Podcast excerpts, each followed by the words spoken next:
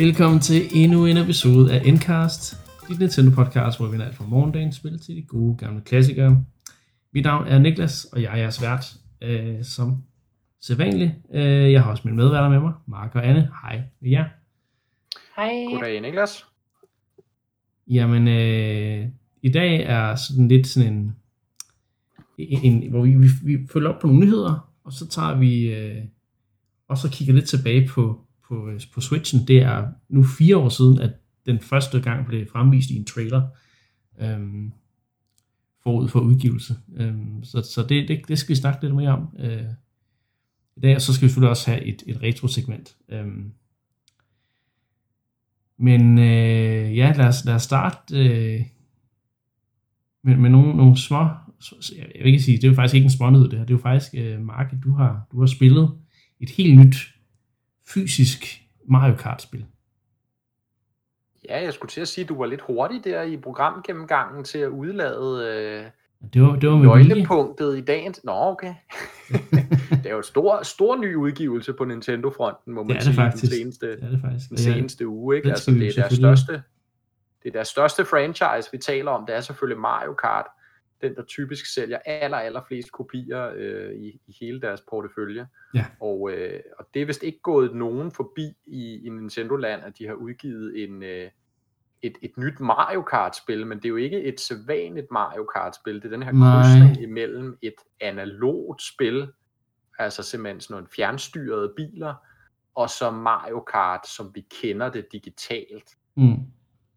Men det er jo Så- spil, der blev fremvist her, den, den her øh, Mario 35 års jubilæums Direct for, for snart noget tid siden. Øh, og øh, jeg kan jo huske, jeg var selv rimelig op meget op at køre over øh, den her fremvisning, men, men hvordan er det så at spille det i, i levende liv, så at sige?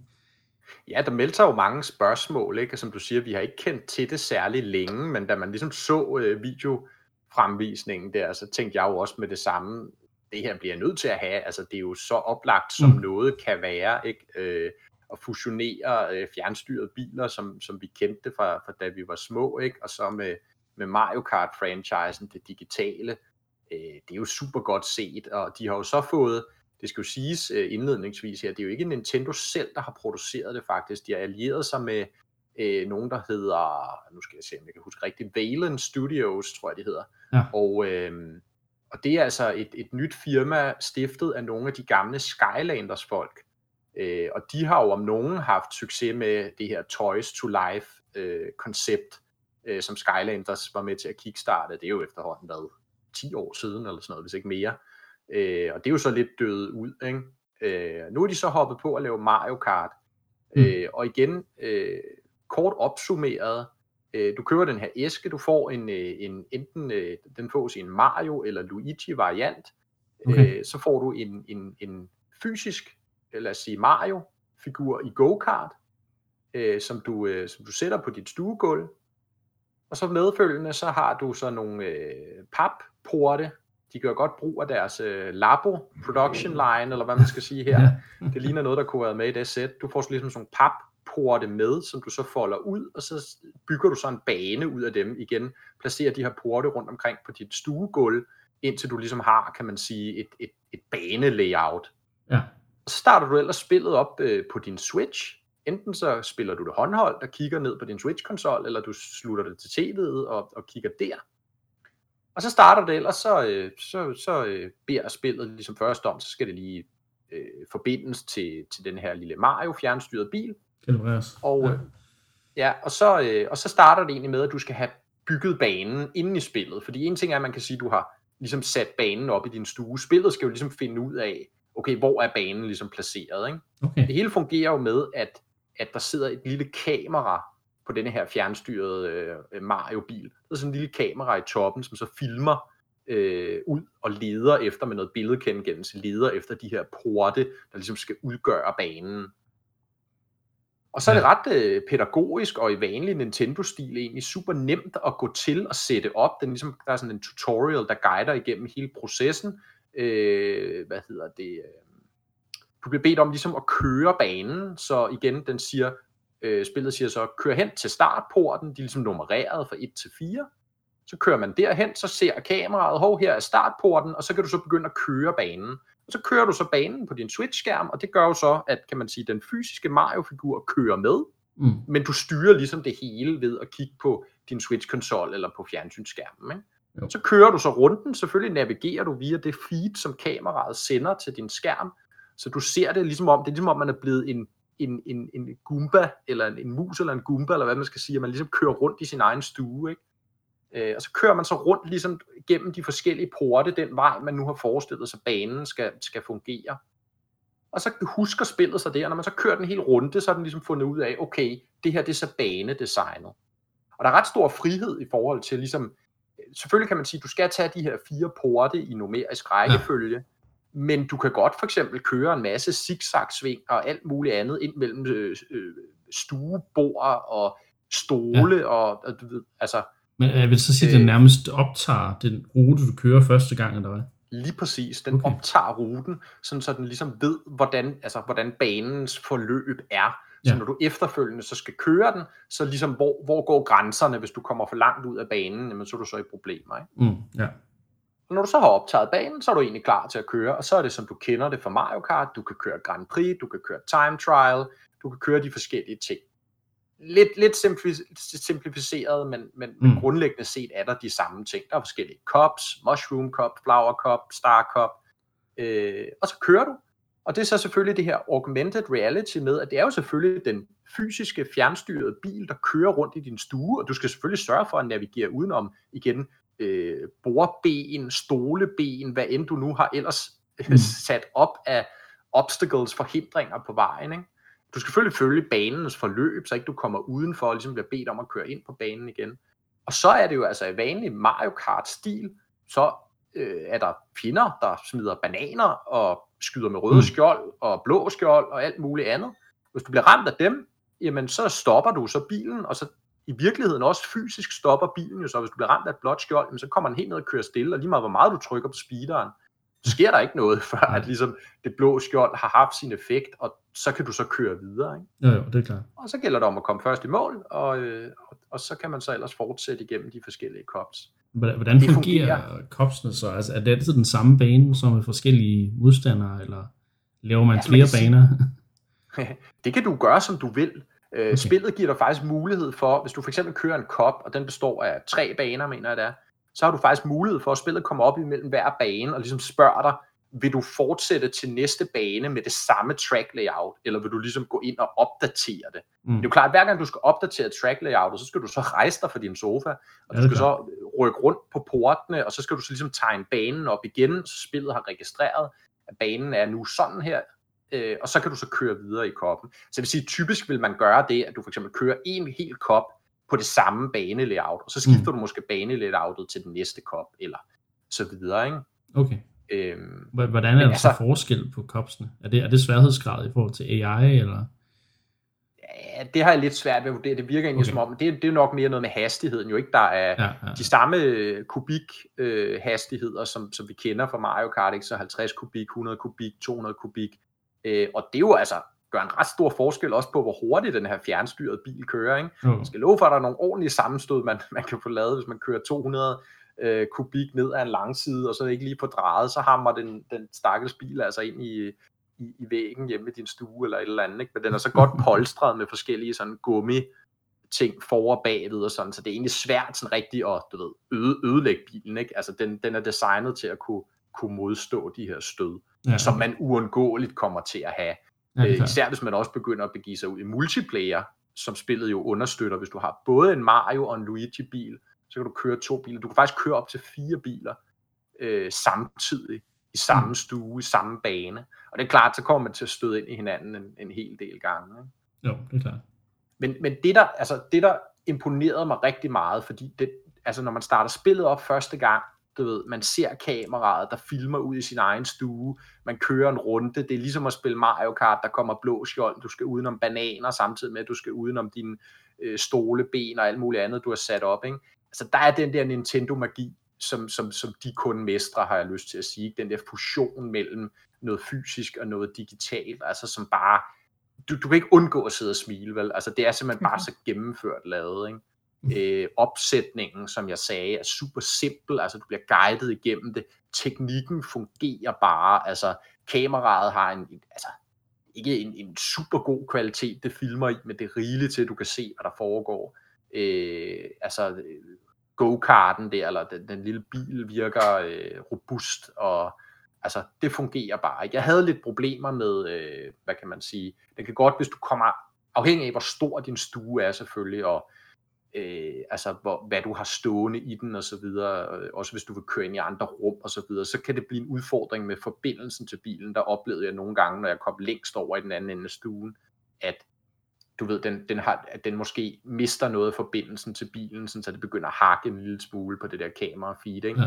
Det er klart, der, der kan være noget udfordring der, afhængig af, hvor en, hvordan ens øh, hjem ligesom er. Ikke? Ja, ja. Man kan sige meget, meget af underholdningen, og især nu fik jeg sagt den her magi, når man lige umiddelbart starter spillet op. Ikke? Men det er klart, når man så har kørt nogle løb, når man har kørt nogle cops og så videre, ikke? man har måske ændret sit banelayout et, et par gange, øh, så er det klart, altså så begynder begrænsningerne også ligesom at melde sig, fordi det er klart, ja, er. altså, ja, banerne kan være forskellige i den forstand, at du selvfølgelig kan, fysisk kan ændre på, på banen, og det er jo det, der giver den største forskel. Ellers så har de lavet i spillet sådan, at der er ligesom forskellige temaer, også som vi kender fra Mario Kart. Så der kan fx være et vulkan-tema, hvor så dukker der sådan nogle lavapøler op på banen, du også skal undvige. Eller det kan være sådan øh, et, et isbjerg, hvor der er sådan nogle øh, af de der, hvad, jeg kan ikke huske, hvad det hedder, de der freeze freezes, du skal undgå, ellers så bliver du frosset, og så stanser du igen og sådan noget. Ikke? Så ja. de har ligesom prøvet at tematisere det på den måde, ved at de laver det her overlay, der ligesom har et, et tema, som man kender det fra Mario Kart-spillene. Men det er jo klart, track layoutet er stadig det samme, så længe du ikke har været rundt i din stue og ændret på porten og så videre og optaget en mm. bane. Ikke? Jo. Det er jo klart, det sætter jo en begrænsning på, hvor længe man synes, det er sjovt at køre samme bane. Ikke? Jo, jo. Øh, og så igen, altså man kan sige nu, min stue, den er ikke super stor, så jeg har også en begrænsning for, hvor mange, altså hvor mange layouts kan jeg realistisk lave, før jeg ligesom løber tør for ja. gode layouts. Ikke? Og det er klart, det kan ligesom sætte en dæmper på, hvor længe man vil synes, det er sjovt at spille det her spil. Ikke? Ja. Øh, men, men jeg synes, at det, det kan dog for, at, at, at, at eksekveringen, teknikken fungerer, eksekveringen er fed.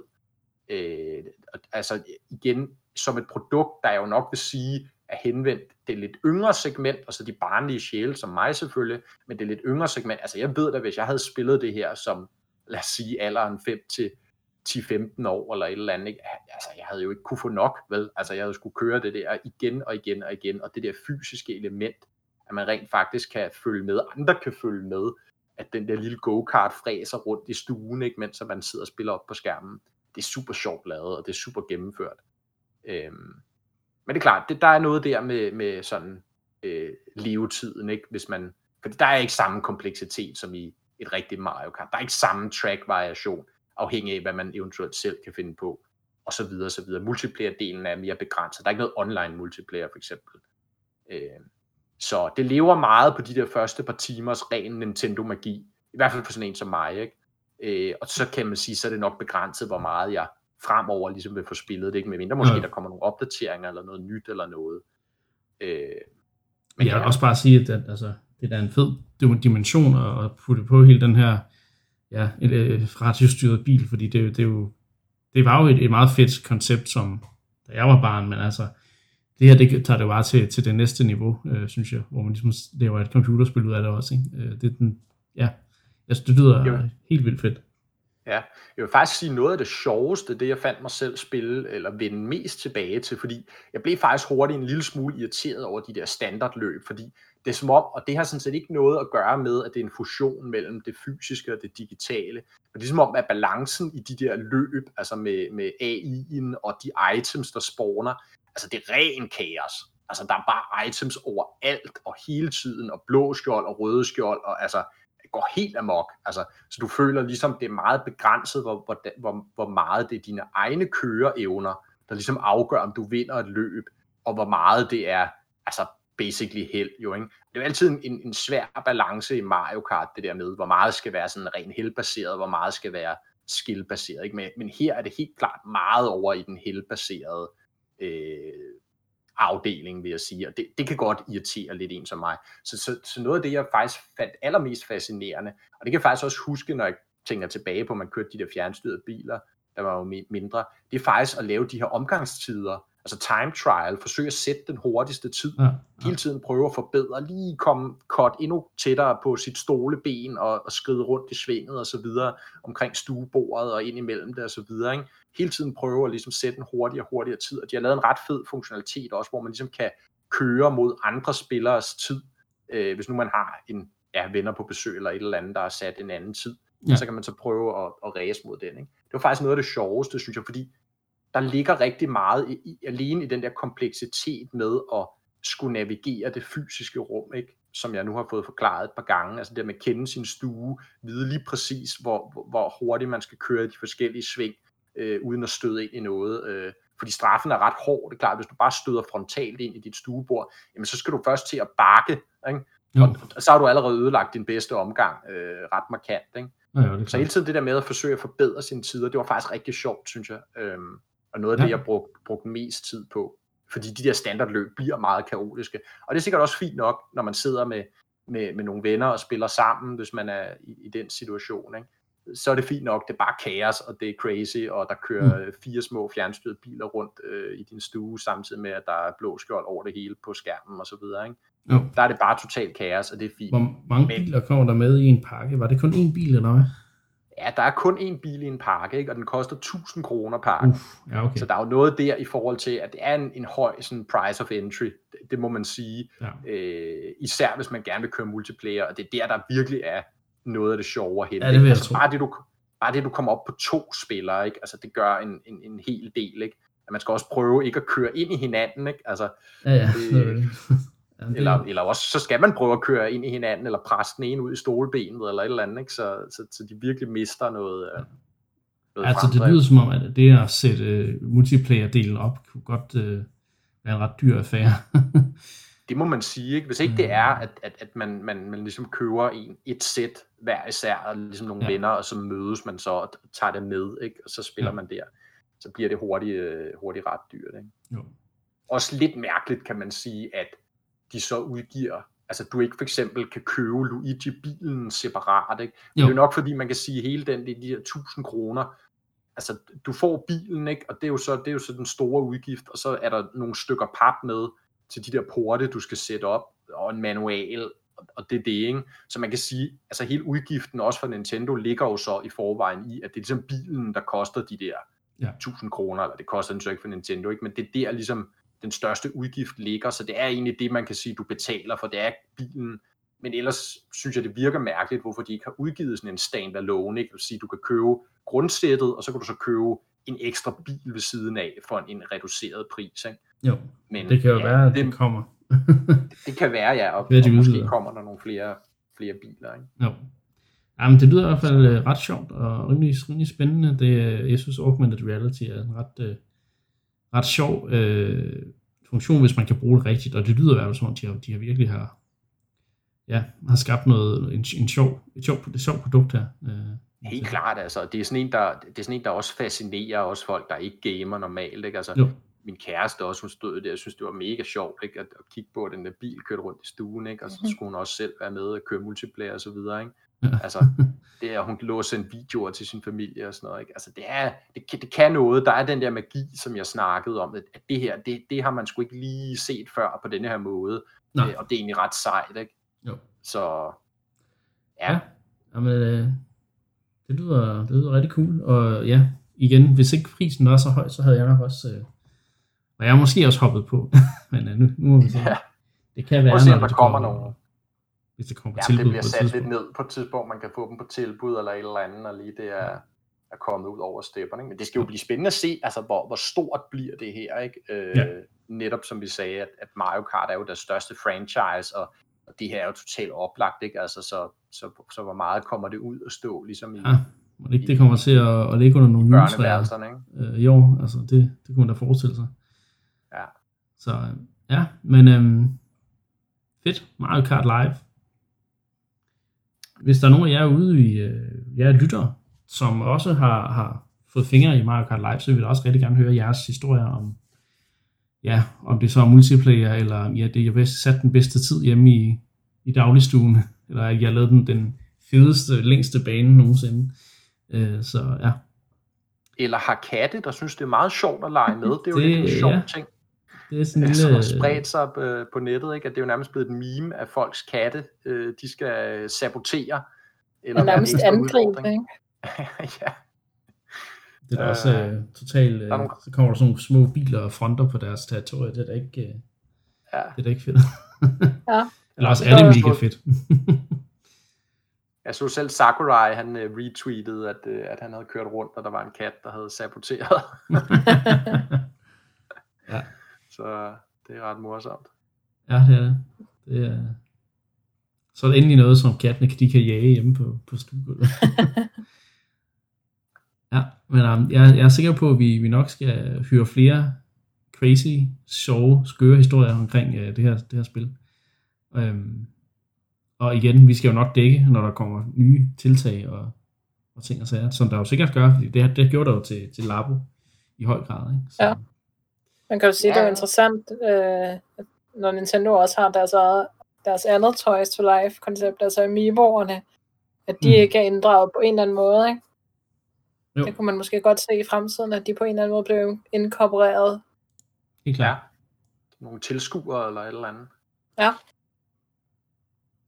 Det er jo meget fancy, altså fordi den har det her, altså kameraet, ligesom det er jo noget billedgenkendelse, ikke? Den bruger til at, ligesom at spore de der porte, og det fungerer altså spot on, at den kan spore dem for selv sådan ret skarpe vinkler, øh, altså sådan nærmest 90 graders vinkler, kan den ligesom opfange, at okay, herover er den næste port, du skal igennem, ikke? Jo. Så får man også, ud over dem, så får du også nogle lidt mindre, jeg ved ikke, hvad man skal kalde dem, det er jo nærmest nogle øh, bander, du får med, øh, med nogle pile på, og det kan spillet så også ligesom finde ud af at overlay med noget digital grafik, sådan så det ligesom, du ved, sådan meget sådan synligt lyser op, at her for eksempel skal du lave et hårdt venstre sving, eller et hårdt højre sving, og så videre, ikke? Og der kan du faktisk, øh, der, der kan du så faktisk øh, printe nogle flere ud af dem, eller du kunne designe dem selv i virkeligheden, ikke? Øh, og stille flere op, end, end dem, der følger med spillet, og så kan, så kan spillet ligesom selv, øh, kameraet der, finde ud af at overlay de der ting. Øhm, og selvfølgelig kan du sætte, altså der er jo uanede altså, muligheder i forhold til, at du bare selv sætter små kasser, eller bøger, eller stabler bøger, eller altså op Mm. for ligesom at være forhindringer på din bane. Ikke? Og i den forstand er det jo vidderligt, altså fantasien nærmest, der sætter grænser. Øh, og, og det er klart, det kan godt være, at jeg bare er udfordret af min mangel på fantasi, eller, eller jeg, som jeg siger, bare min, min, min lidt øh, ydmyge stue, ikke? At, at jeg har ikke så meget plads at bolde mig på, og det sætter nogle naturlige begrænsninger for mig, i forhold til, hvilke track designs jeg kan lave. Men jeg har jo allerede set på nettet, at der er nogen, der laver helt vilde track designs, ikke? Altså med skal chikaner bare og... ramper og ting og sager, tænker jeg. Ja, lige det med ramper der, der, der, det er der jo selvfølgelig nogen, der har forsøgt på, og det kan vist lade sig gøre til en vis Okay. okay. grad, men, men de er ikke rigtig designet til det. Altså, de, de hviler meget tæt ved, ved, ved selvfølgelig ved, ved Ja, okay. overfladen, Det de er kører på, ikke? Så det skal være sådan en, en gradvis rampe, Ja, øh, Okay. men det er de ikke umiddelbart designet til. Nej, okay. Men det er klart, der er selvfølgelig nogen, der prøver. Ja, Jamen, øhm, jeg tror, det, vi lader det være, være, være, være snakken om, om Mario Kart Live i denne omgang. Øhm, og så skal vi videre til, til nogle små øh, sjove nyheder øh, inde i Nintendo-land. Det har jo, øh, der, der er jo sådan lidt en, en stillheden før stormen-agtig øh, eller det kan man, det, det vil jeg nærmest ikke engang sige, jeg nærmest sige, at det er som om, at efter vi har haft nærmest en måned, hvor der bare kom nye øh, annonceringer og ting en gang, altså en gang om ugen eller sådan en stil. Så det er sådan, nu der, er vi, der venter vi lidt på, at nogle af de spil skal komme ud nu. Ikke? Øhm, Ja. Så der, der sker ikke sådan så meget, men der er sket nogle, nogle, nogle små ting. For eksempel, så øh, sælger Ring Fit Adventure så godt i Japan, at det fysiske salg af Ring Fit Adventure har oversteget Breath of the Wilds fysiske salg. I, i det land. Altså, hvad sker der? tag den link. Ja. Du er blevet udkonkurreret af et motionsspil. Men der er sket et eller andet med Ring Fit Adventure her i, i, i covid-19-tiden. det er som om, at det, det spil bare lige, det bare tiltaler folk.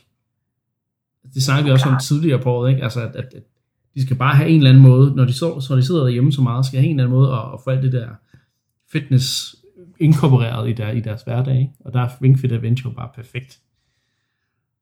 Det er jo det ikke, og, og man kan sige, det, der, jeg tror ikke, der er nogen tvivl om, at, at, at, at var det ikke for coronavirus, så tror jeg ikke, spillet havde nået den su- succes, det har. Ikke? Altså, vi kiggede lige på salgstallene tidligere, jo, ikke? At, at de har altså solgt på den gode side af 4 millioner eksemplarer globalt set. Ikke? Altså ret flot for en, for en helt ny IP, og ikke mindst for et motionsspil i en tid jo ellers, hvor de har lidt trænge kår. Ikke? Det var noget andet, hvis vi kiggede tilbage på Wii-dagen. Ikke? Men, mm. men, men Ring Fit Adventure både frem af covid-19, men så har folk jo også bare fundet ud af, at det er sådan en gedigen workout. Ikke? Det er ikke bare en, en gimmick, altså du får rent faktisk resultater ud af at spille det spil. Ikke? Øh, markerede muskler, stærkere muskler, altså det virker? Netop fordi det bruger det her, de her velkendte koncepter, med pilatesring, med de her sådan typiske crossfit øvelser, du kan lave på et gulv, altså planke og squats og så videre, alle de her ting, som spillet ligesom beder dig om at, at lave. Ikke? Altså effektive øvelser, der har en effekt på folks øh, mm. muskelmasse, på deres helbred og så videre. Og det er jo fedt, ikke? Og så er det jo selvfølgelig igen båret frem af covid-19, men at folk så samtidig har fundet ud af, at det er en gedin workout, og ligesom det så spreder sig med den word of mouth, ikke, kunne man forestille sig. Det er interessant, synes jeg. Mm. Ja. Helt klart. Altså det, jeg har slet aldrig, aldrig spået, at, at det ville sælge så godt, som det har gjort. Øh, og det her viser bare endnu en gang, at, at der er nogen snakken. Det er altså et spil, øh, som, som, øh, som der bliver solgt. Og igen, ja, det er jo sjovt, at du, jeg kan huske, Mark, at du endte med at, at kåre det sidste år som, som dit Game of the Year på, på Nintendo-fronten, ikke? Øh, jo. Og det, Oh, men, men igen, altså genial koncept, ikke? Og, og, og som, jeg, som jeg med far for at gentage mig selv, ikke? netop at det giver dig den der workout, som, som er virkelig effektiv. Ikke?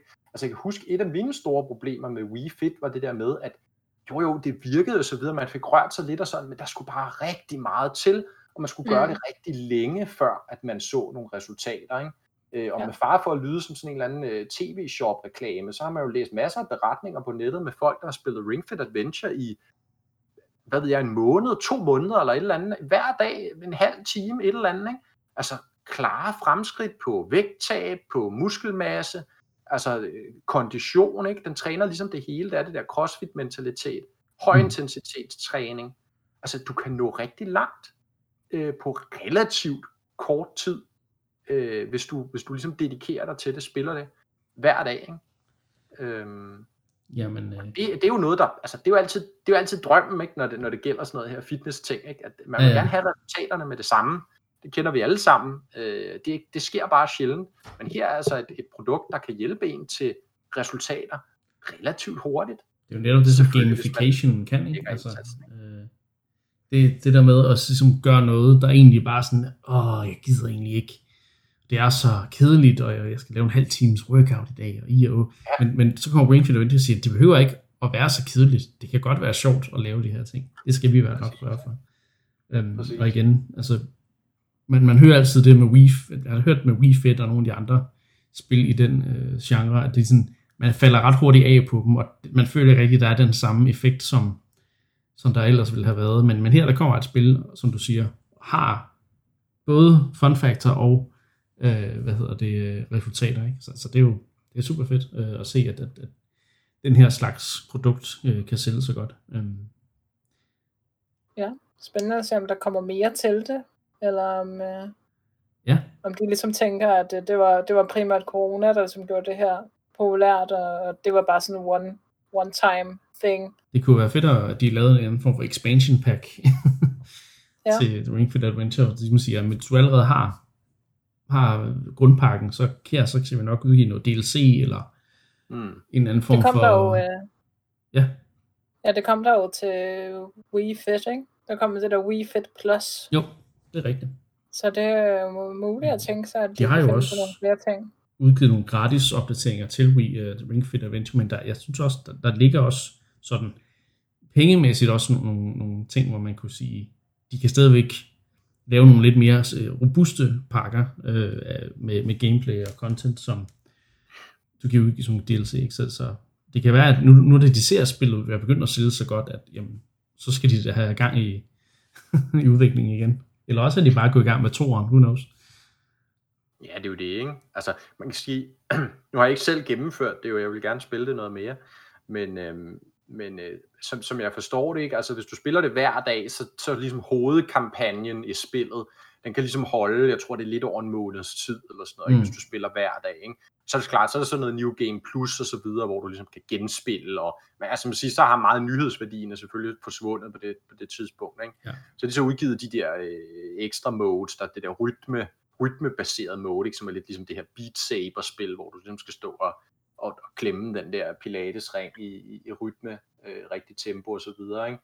Og det er klart, det, det giver lidt på, på levetiden, men, men altså ja, som, som I snakker om, en, en gedigen, altså ny kampagne, ikke? Øh, der, der kunne vare en, en måned til, eller et eller andet. Det, det ville nok gøre en del, kunne jeg forestille mig, øh, for, for sådan den langsigtede mm. øh, levetid for produktet, ikke? fordi det er klart, det er jo, sådan er det jo med al træning, når man så har op, hvis man selv hvis man opnår sine resultater, så skal de jo så holdes ved lige, ikke? Ja, præcis. Og det er klart, hvis man så hænger ud af, af halsen, at man skal spille den der samme kampagne igen, ikke? Så, jo, jo. Så, så dør lidt af effekten jo selvfølgelig, ikke? Øh, jo.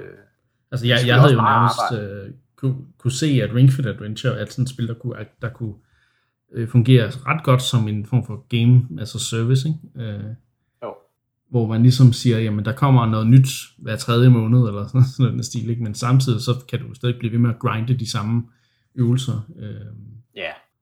Måske have nogle, ja, nogle daily quests og nogle, øh, hvad hedder det, øh, nogle grinds, du kan ligesom kan, kan opnå, hvor du får noget nyt udstyr i, til din karakter, eller Ja. ja, men de ting er der jo sådan set allerede. jo, jo. Ikke? Altså, men, men igen, altså, de kan bare udvide det mere og mere, øh, hvis, hvis det var sådan lidt en form for games ja. service. Men det kan man så sige, det er Nintendo ikke helt. De har jo altid det her med, at de, de understøtter et spil, måske op til et år efter det er udkommet med forskellige mm. DLC. Så har vi selvfølgelig Smash Bros., som der er lidt en anden, ja. hvor der, det er en lidt længere periode, de har understøttet. Ikke? Men igen, den, den form for, altså Smash Bros. model kunne virkelig godt øh, passe ned på, på Ring Fit Adventure, men det kan godt være, at det, det spil så er lige ikke sælger godt nok til, at det kan lade sig betale sig for dem. Men altså, der, er, der er rigtig mange muligheder, tror jeg. Øh, især når nu de har bevist, at det virker. Og det, det folk synes, det er sjovt. Ikke? Så. Ja, det bliver spændende at følge i hvert fald. Det er klart. Nu skal vi videre til øh, en anden øh, nyhed. Det, det, det er mest for, for fun factor. Det er egentlig ikke øh, noget nyt, øh, fordi Final Fantasy 7 og Final Fantasy 8 Remastered udkom til øh, Nintendo Switch. Jeg tror, det var sidste år. Øhm, Final 9 udkom jo også, men, men 7'eren og 8'eren, øh, de udgivet, men nu kommer de så til Switch igen i en fysisk sådan sampak med både Final Fantasy 7 og Final Fantasy 8 på samme, øh, jeg ved, jeg går ud fra, at det er på samme cartridge, men øh, det sjove her er jo faktisk, at Final Fantasy 7 oprindeligt set blev aldrig udgivet på Nintendo-konsol. Det har vi snakket lidt om, øh, at det, da det kom ja, sidste år var det, var det første gang, at vi fik Final Fantasy 7 på Nintendo-konsol nogensinde, og det var rimelig stort. Men det, der gjorde, at det aldrig kom ud, det var, at, at øhm, Square, Squaresoft, som de hed dengang, de valgte simpelthen at udgive Final Fantasy 7 på øh, PlayStation frem for Nintendo 64, selvom de egentlig havde haft et, Øh, jeg tror, ja, jeg tror faktisk, ja, alle Final Fantasy-spil havde op til, til og med 6'eren været udgivet på, øh, på Nintendo-konsoller, ikke? Øhm, men hvad der så, så, så, så sker der så det, at, at øh, med syveren, at de vælger at sige, jamen vi kan simpelthen ikke få, få alt dataen ned på, på det her. Øh, du må gerne rette mig, hvis det er lidt ved siden af her, Mark, men det er jo noget med dataen, der ikke kan fylde. Det, det, det er for meget til det her cartridge, så de er nødt til at udgive det på CD-baseret, øh, hvad kan man sige, øh, ja, øh, CD-baseret medie. Øhm, og jeg kan sige, der kom PlayStation jo, som egentlig var udsprunget af et, et, et samarbejde mellem Nintendo og Sony, men som så, de, hvor Nintendo så trak sig ud, kan man sige, og, og Sony så lancerede PlayStation. Så kom, så blev, blev Final Fantasy ligesom sat over på PlayStation kontroller, ligesom der det næsten mere eller mindre har haft sit, sit hjem siden. Det er selvfølgelig også udkommet til Xbox og PC sidenhen, men, og selvfølgelig også nu på, på, på Nintendo, ikke? Men, men dengang, der, der var en lang overrække, hvor hvis du skulle spille Final Fantasy, så, så, må, så kunne du ikke have kun en Nintendo-konsol, så skulle du altså også ud og have en, en Playstation, ikke? Jamen det er det ikke. Altså, så, som, som, som du siger, Niklas, jeg smilede også, da jeg læste den historie, ikke? fordi den har så meget altså, historisk vingesus, ikke? som du siger, mm. det her meget, meget vigtige spil, og bliver et enormt vigtigt spil for sådan hele Sonys portfølje, og hele altså Playstation som konsol, og den generation, der ligesom ja. vokser op med Playstation, eller bliver fans øh, af Playstation, ikke? blandt andet på grund af det her meget, meget vigtige spil, som jo også, kan man sige, eleverer Final Fantasy-franchisen til nye højder. Ikke? Men netop det her meget, meget kritiske valg, som, som Square øh, Soft tager, hvor de simpelthen siger, jamen, et Nintendo 64 cartridge, det kan max gå op til 64 megabyte, mener jeg det er. Ikke? Jo. Og det er simpelthen ikke nok plads til, at vi kan realisere øh, Final Fantasy 7, så vi bliver nødt til at flytte til den her nye Sony-baserede platform, der jo har CD-rommer, som øh, fysisk medie, hvor der jo kan ligge op til små 700 megabyte. Ikke? Mm. Øh, så, så, så her kan vi ligesom realisere det her spil, som, som senere viser sig at blive meget, meget vigtigt. Ikke?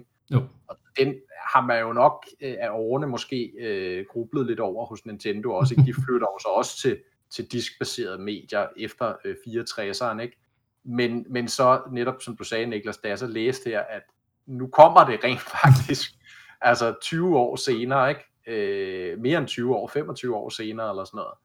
Ja, det er fra 97, mener jeg. Ja, kommer det så på et cartridge, Final Fantasy 7 på et cartridge, på en Nintendo-konsol. Ja, ja, der er sgu noget set i historiens lys, noget lidt ironisk og lidt sjovt over det her. Og det var derfor, jeg synes, det var, vi næsten skulle have den historie ja, med. Ja, helt klart.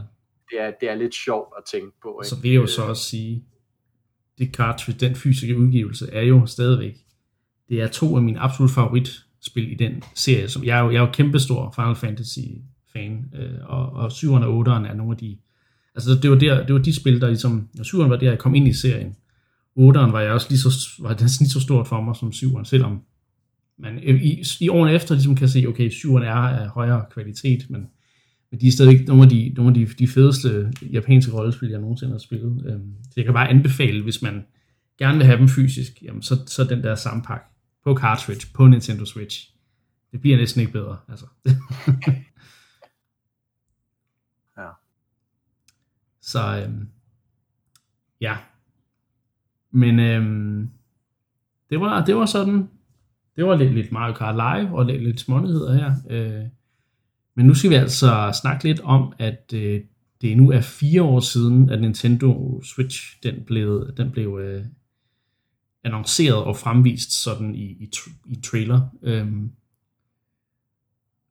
og ja, det, det føles som om, altså det, det er både som om de fire år bare er gået meget, meget hurtigt for men det er også som om, at, at, at man, kan, man kan sådan ligesom slå ned og sige, i 2017, der kom de her spil, og det var kæmpe fantastisk, og næste, næste år kom det her. Det, altså det er som om, der har været så store begivenheder i den her øh, konsols levetid allerede, at, at det føles også som om, at det nærmest er, er lige så gammel som, som øh, PlayStation 4 og Xbox One. Ikke?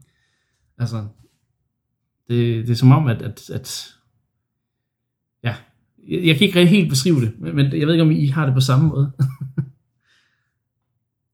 Hvad siger du, Anna? Ja, altså tiden er jo gået meget hurtigt, synes jeg på en anden måde. Sådan, det ja, det er det, altså hurtigt, men langsomt. jeg kan ikke helt uh, bestemme mig. På en eller anden måde føles det som, at det var i går, man sad og, uh, og spillede Breath of the Wild for første gang, føler jeg. Ja. Men, uh, men på samme tid føles det så også, som om man har haft den for evigt på en eller anden måde. Ikke? Så man kan ikke forestille sig at gå tilbage fra Nej. den her mulighed med at spille både uh, i håndholdt og uh, på, på tv'et, ikke? Ja, præcis. Det er som om, at, at for mig er Switchen, den har ligesom været lige siden den kom ud i hvert fald, øh, været i, i, i, i baghovedet hele tiden, når man tænker, hvad, oh, der kommer et nyt spil, om kommer det så også til, til den her konsol, ikke? Og sådan nogle ting. Så det har også gjort, at man, man ja, som du siger, man kan ikke rigtig gå tilbage til tiden, før, der, før Switchen den eksisterede. mm. øhm, men, men lad os, ja, lad os lige, lige tage et, et uh, sådan walk down memory lane. Altså, det var efteråret 2016, må det så have været. Øhm, og, og øh, vi var lige ved ligesom at afslutte. Nintendo havde sagt, Wii U, der kommer en, efter, kommer en afløser. Øh, vi vil jo øh, udvikle på den. Der kommer selvfølgelig nogle spil til Wii U imens, sådan så I kan have noget at spille og alle de der ting. Men det var ligesom om, at det var sådan mørke tider for Nintendo. Folk, de var ligesom ved at sige, ej, Nintendo, de er på vej ud. Det er, de kan simpelthen ikke komme tilbage fra den her øh, skandale, eller ikke skandale, den her dårlige konsol, som mange jo mente Wii U var. Øh, egentlig, selvom den egentlig måske bare var lidt fejl, øh, mal, øh, fejlmarkedsført og sådan nogle forskellige ting. Ikke? Men øh, så der var rimelig sådan, der, der var både den her lejr med, der, der var nogen, der mente, åh oh, nej, Doomsday, Nintendo, de er, de er færdige, og så var der også ligesom dem, der sad og tænkte, okay, nu, nu kommer de med et ny ting, der er rygter om dit og dat, øh, noget hybrid konsol, ligesom en, en Wii U 2.0, øh, og der var sådan, ja, jeg tror, at alle havde en eller anden form for, for spænding i forhold til, nu er det nærmest deres sidste chance for at, at komme tilbage øh, på markedet. Ikke? Um, okay. Og så kommer den her trailer. ja, så kommer den der trailer, og så ved jeg egentlig ikke, om skepsisen blev markant mindre, vel? Nej. Sådan husker jeg det i hvert fald ikke. Uh, altså, det var jo, som du siger, man, altså, det, det, det virkede som om, at okay, det var det her uh, Wii U ligesom ledte op til. Altså, ja. den var i virkeligheden prototypen på den her maskine. Ikke? Det var det, som de prøvede med Wii U, øh, at, at fusionere den der hybrid mellem en håndholdt og en, en hjemmekonsol, men med den klare begrænsning jo, at, at Wii U gamepaden skulle altid være i sådan en rækkevidde af moderbasen, ikke? altså ja. konsollen under fjernsynet. Øh, og, og, og det var jo ikke nogen succes, kan man roligt sige, og der, der, der kan man heller ikke, synes jeg, sætte tyk nok streg under, hvor gralt det stod til. Altså vi taler om en konsol, der solgte 13,5 millioner ja. eksemplarer på verden, verdensplan over en fireårig periode. Ikke? Altså, det er jo klart, okay, hvis vi lige ser bort fra Virtual Boy og så videre, ikke? Men, men et kæmpe flop. Ikke? Ja, kæmpe flop for Nintendo. Ikke? Altså, øh, selv når man sammenligner den med nogle af de, de mindre øh, succesrige konsoller. Ikke? Jo. Kæmpe flop, og jo klart, at, at snakken gik på, okay, er det her den sidste Nintendo-konsol, vi har set? Ikke? Er det nu, de bliver nødt til at sige, vi kan ikke lave hardware længere, vi kan lave fantastisk software, det må vi så udgive på hvad mm. end andre konsoller, der findes, ikke? Playstation, Xbox, PC. Ja. Hvor vanvittigt det end virkede at forestille sig, så var det jo den snak, der gik.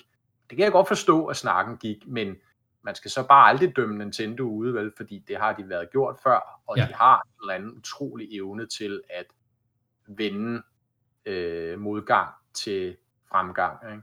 Jo, præcis. Øhm, og, og det så, så viser ligesom frem den her hybridmaskine, der, der ligesom lidt, lidt minder om Wii U, og så, altså, man ser den her trailer, hvor der starter med ham her, øh, fyren, der sidder og spiller, han spiller Breath of the Wild, som vi har jo set på det tidspunkt, øh, et par gange øh, til E3 og så videre, øh, men det, på det som der, der vidste vi jo, det var hovedsageligt et Wii U-spil, ikke? Øhm, så sidder han og spiller Breath of the Wild, og så lige så kommer hans hund hen og siger, woof øh, jeg skal altså ud og jeg skal ud i haven og, og gøre min, min øh, det, det hunden nu gør, og så så siger han, okay, fint nok, jamen så tager jeg bare øh, min Switch med mig. Så går han over, og, og det er sådan et meget ikonisk øjeblik, hvor han ligesom tager Joy-Cons'ene ud af control af den der ja, øh, bøjle, eller hvad fanden det er, de, de sidder i, i, som vi også kender fra, fra, fra den, færdige produkt, og sætter Joy-Cons'ene i, i Switchen og tager den op. Øhm, og det er jo ligesom det, det jeg, som jeg synes er et af de mest sådan øh, unikke og, og, og, hvad kan man sige, øh, specielle øjeblikke i den, i den trailer, og, og det er ligesom der, at, at vi ligesom får, fordi igen, jeg, jeg havde i hvert fald læst rigtig mange ting om det her, så det var, jeg var egentlig ikke overrasket, da jeg så traileren, men, men jeg synes selv, det, det var på en eller anden måde et ret, øh, ret, ret specielt øjeblik, da han ligesom tager den ud op af, af dokken, ja, og så går han, de ud i haven ikke, og spiller. Han laver, han laver jo The Switch ja, ikke? Jo. mellem hjemmekonsol og, og håndholdt konsol. Det er i navnet på, på maskinen. Ikke? Øh, og, og, det er jo, og, det, og det kunne et eller andet, altså især det der med det sådan fuldstændig øh, øjeblikkelige skift, mm. ikke? altså der er jo ikke synderlig forsinkelse på, det er bare sådan, godt, nu kører det på skærmen, jeg tager lige øh, op ad dokken, og så kører det videre med det samme, ja. uforstyrret på, på det håndholdte, og tilsvarende den anden vej rundt, ikke? Ja. Øh, det, det er jo der meget af magien øh, husker I, øh, jeg, jeg husker jo selv, at der var meget snak om, ej, kan det virkelig passe, at det går så hurtigt med at skifte imellem ja. altså, det er ikke det, jeg i hvert fald husker. Det var, det var sådan en, et stort punkt i nogle af de diskussioner, jeg havde med folk.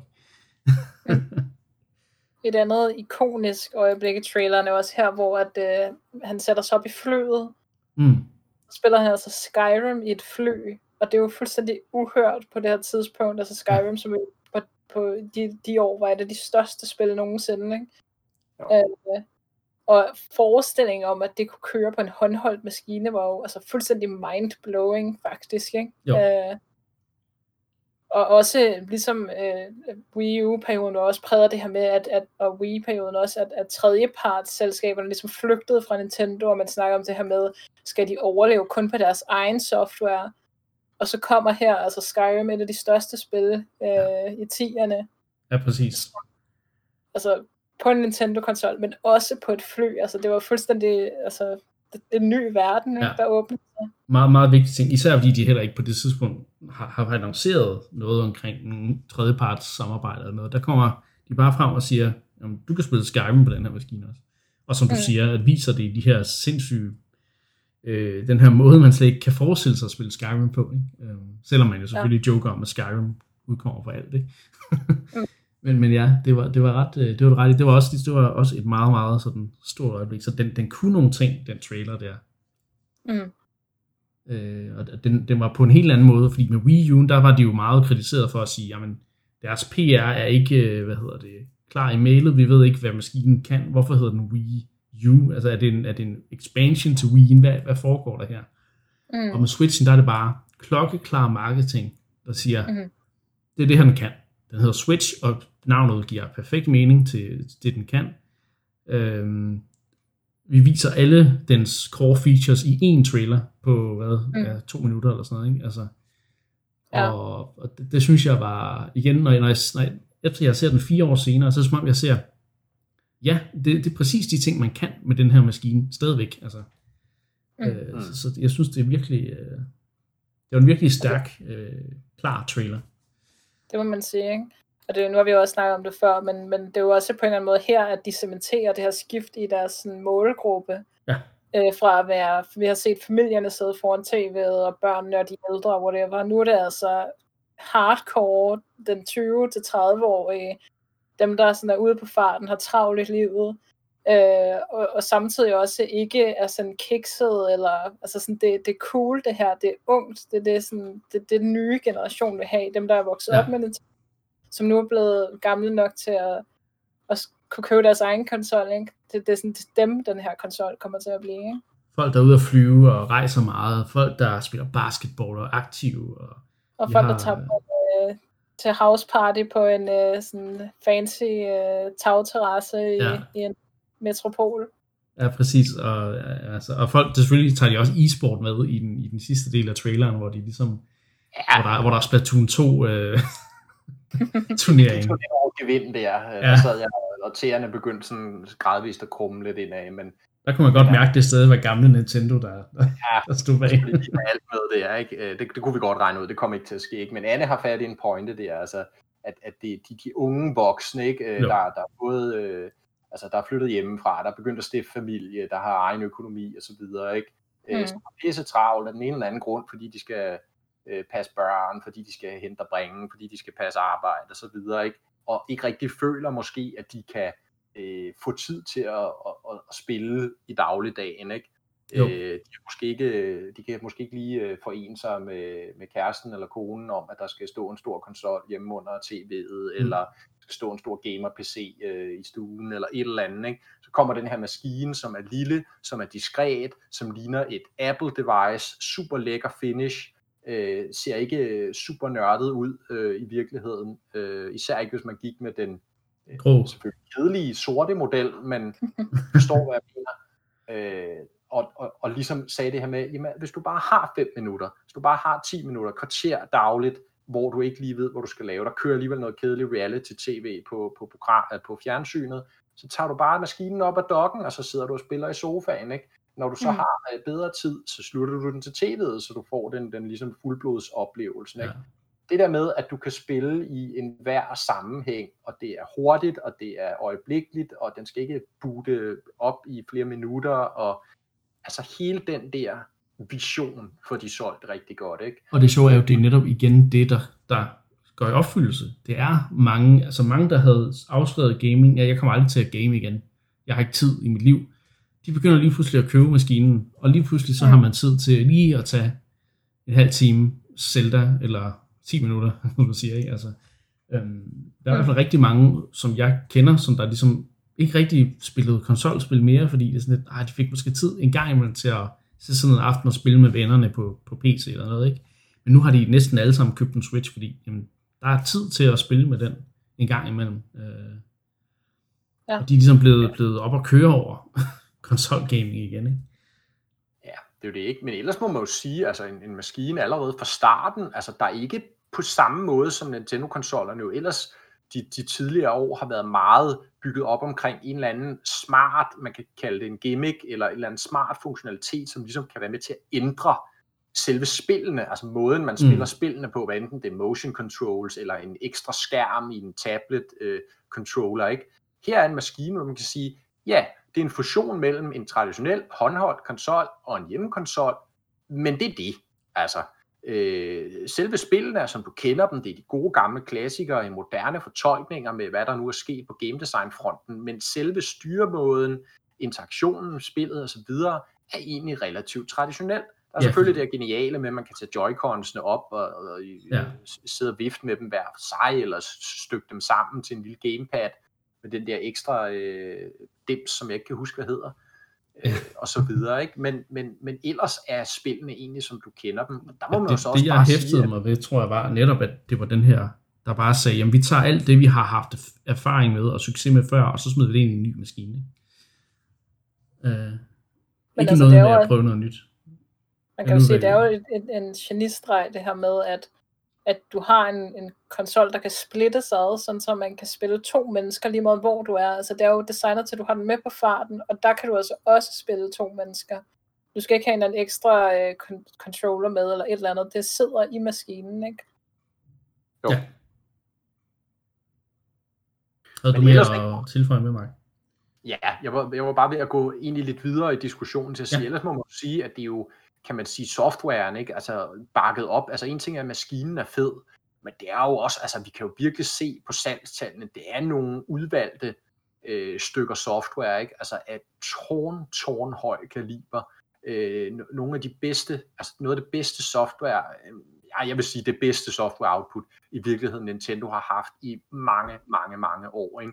Altså de leverer succeshit på succeshit, ikke? Breath mm. of the Wild, Odyssey, nu Animal Crossing, Super Smash Bros. Velkendte franchises, men i nye, øh, revolutionerende, mere eller mindre revolutionerende varianter, ikke? hvor netop også de gavede gamere, som måske har været lidt ude af, øh, af, af hele den verden i måske 10-15 år, eller et eller andet, siden de, de blev unge voksne, ikke? øh, kommer tilbage og lige pludselig finder ud af utrolig mange af min vennekreds, ikke, der er vendt tilbage til de her spil. De kan huske, de spillede Zelda, de kan huske, de spillede Mario for, for, for 15-20 år siden. Ikke? Så kommer de tilbage her og prøver de her nye versioner, som virkelig er blevet opdateret på deres game design, moderne, mm. fornyede, revolutionerende måder at spille på. Øh, og, og, og de er sådan helt blæst bagover, ikke? altså hvor meget der er sket, også ja. bare på, altså på selve spillene. Ikke? øh, i de år, der er gået. Altså det er virkelig, de har udviklet sig, de har flyttet sig, de er blevet mere komplekse, de er blevet endnu mere interessante.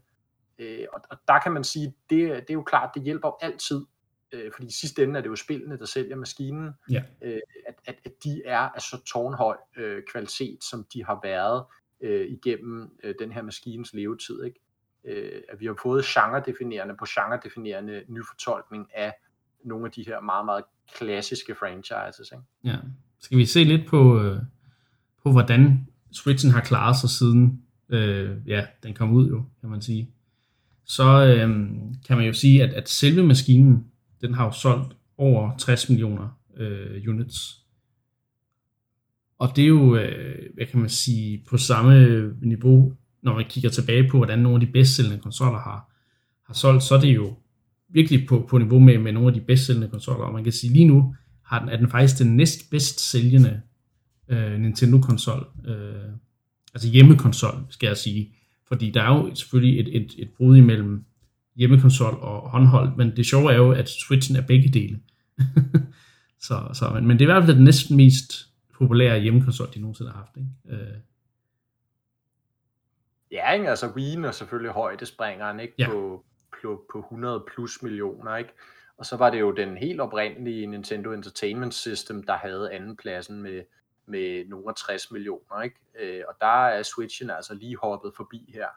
Øh, så den er øh, per dags dato den, den næstbedst sælgende hjemmekonsol. Ikke? Men som du siger, Niklas, det er jo selvfølgelig, hvad man vælger at sammenligne den med. Ikke? Mm. Fordi det er klart, altså du har også en, en 3DS, der ligger omkring de 80 millioner, mener jeg det er, ja. øh, som stadigvæk har, har, den skal du nu nok indhente, føler jeg mig overbevist om. Ikke? Det tror jeg også. Men så har du selvfølgelig en DS, den oprindelige DS, ikke, som jo er deres ultimative højdespringer på er det knap 150 millioner deroppe af, ikke? 140 mm. måske.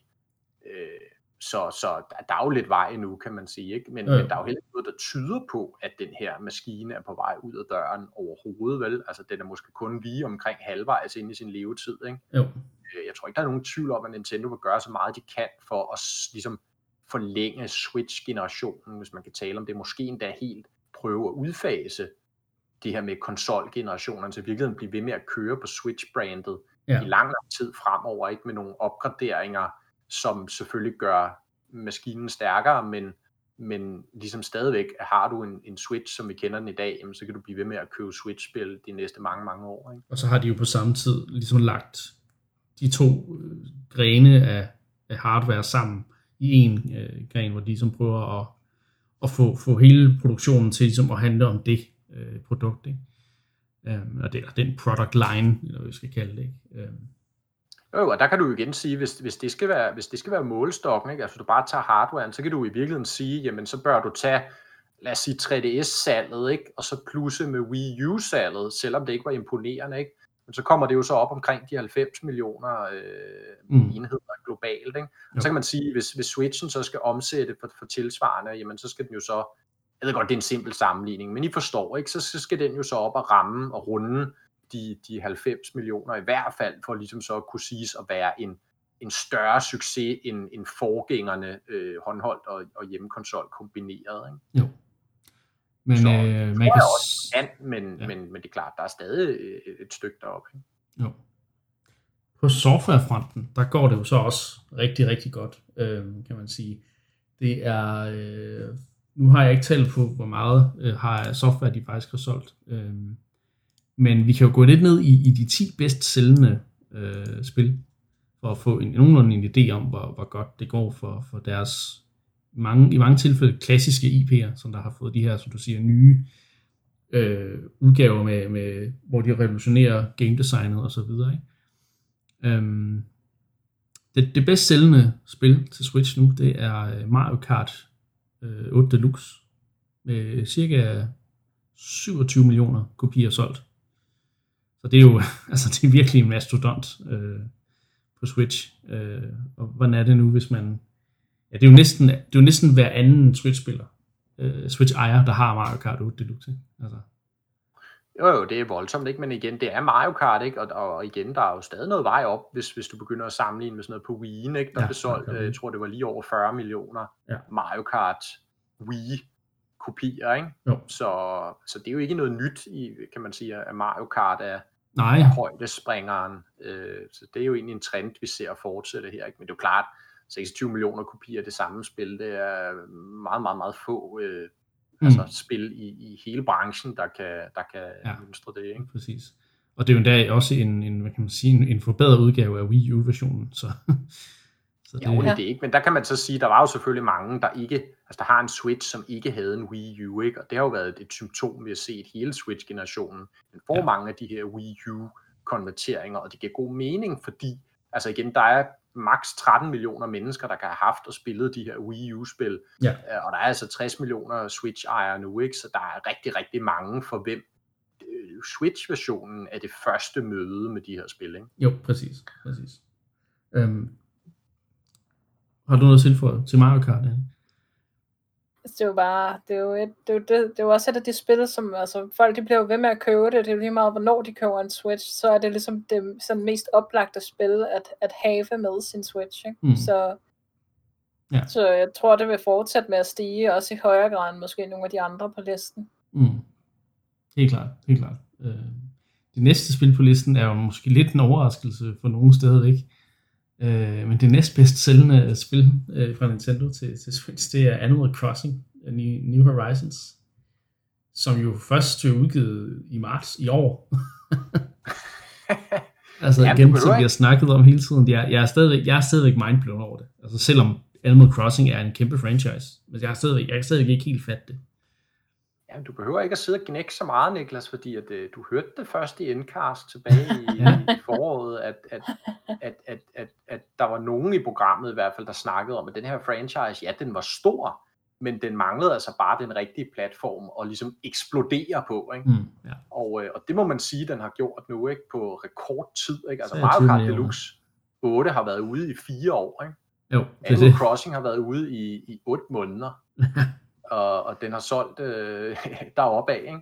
Jo. Så, øh, og, og det bliver ved, altså jeg tror Animal Crossing, lidt som Anne er inde på også, bliver en evergreen, ligesom Mario Kart. Altså det er ja. så stort et fænomen nu, det har lukket så mange til, det har nået så meget af det her Blue Ocean, ikke? det blå ocean, som, som Nintendo jo også øh, satsede på, især med Wii. Ikke? Altså, det er mm. sådan et spil, der hiver nye folk ind i folden. Ikke?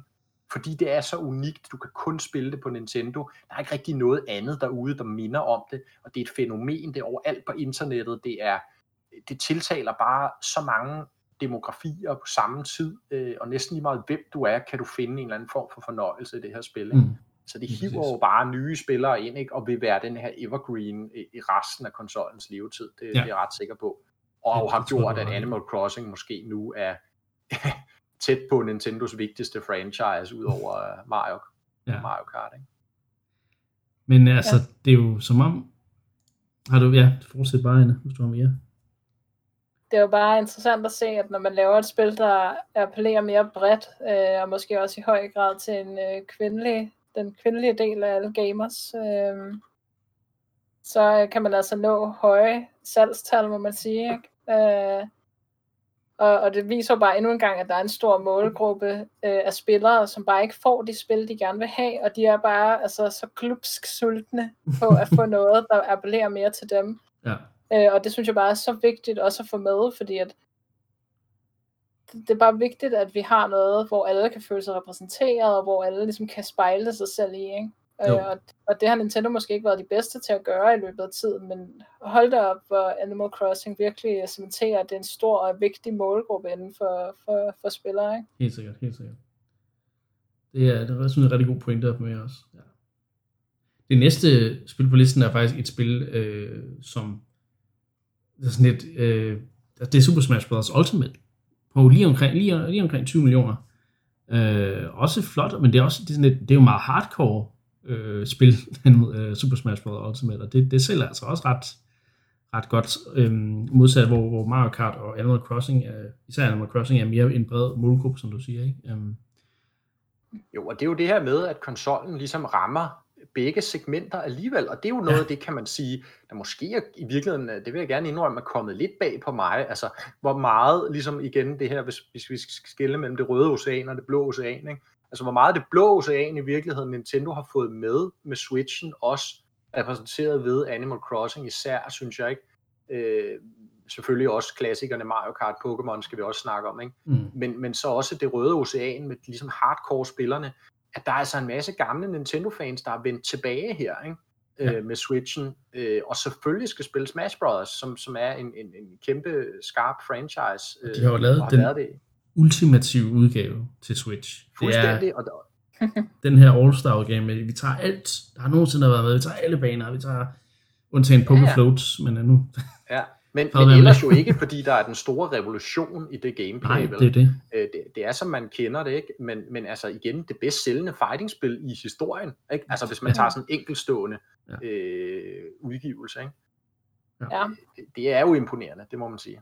Altså vil jeg også tillade mig at udfordre jer lidt på det her, den her opfattelse med, at det er sådan meget hardcore spil, for er det jo ikke netop et af de mest tilgængelige spil i den genre? Det er selvfølgelig meget anderledes end de øh, traditionelle fighting-spil. Det er klart. Det, det er men, klart, men det at det er mere tilgængeligt end for eksempel øh, Street Fighter. Øh. Ja, præcis. Altså selvfølgelig er det, det er jo virkelig et godt eksempel på de her spil, der er sådan er easy to pick up og hard ja. to master, ikke? Så selvfølgelig kan man, er der en, en enorm dybde og et virkelig højt skill ceiling i det spil, mm. men altså, jeg vil gerne indrømme, og jeg har det jo ikke engang selv, at jeg er mega dårlig til Smash Brothers, men, men, men samtidig kan jeg jo sagtens godt gå ind og spille og have det rigtig sjovt, fordi at det er bare nemt at komme i gang med, føler jeg. Mm. Helt klart, helt klart. Øhm, det, det synes jeg er en fin point. Altså, jeg, jeg, for mig synes jeg stadigvæk, at det er et mere hardcore spil end for eksempel Mario Kart eller Animal Crossing, ja, ja, men, men, men du har ret i, at, at det er selvfølgelig et spil, der tiltaler flere end bare... Altså, jeg, jeg er personligt ikke rigtig en fighting-spil. Jeg kan faktisk ikke rigtig lide fighting-spil. Men jeg elsker Smash Bros., fordi det netop gør, at det gør, det gør fighting-spillet mere...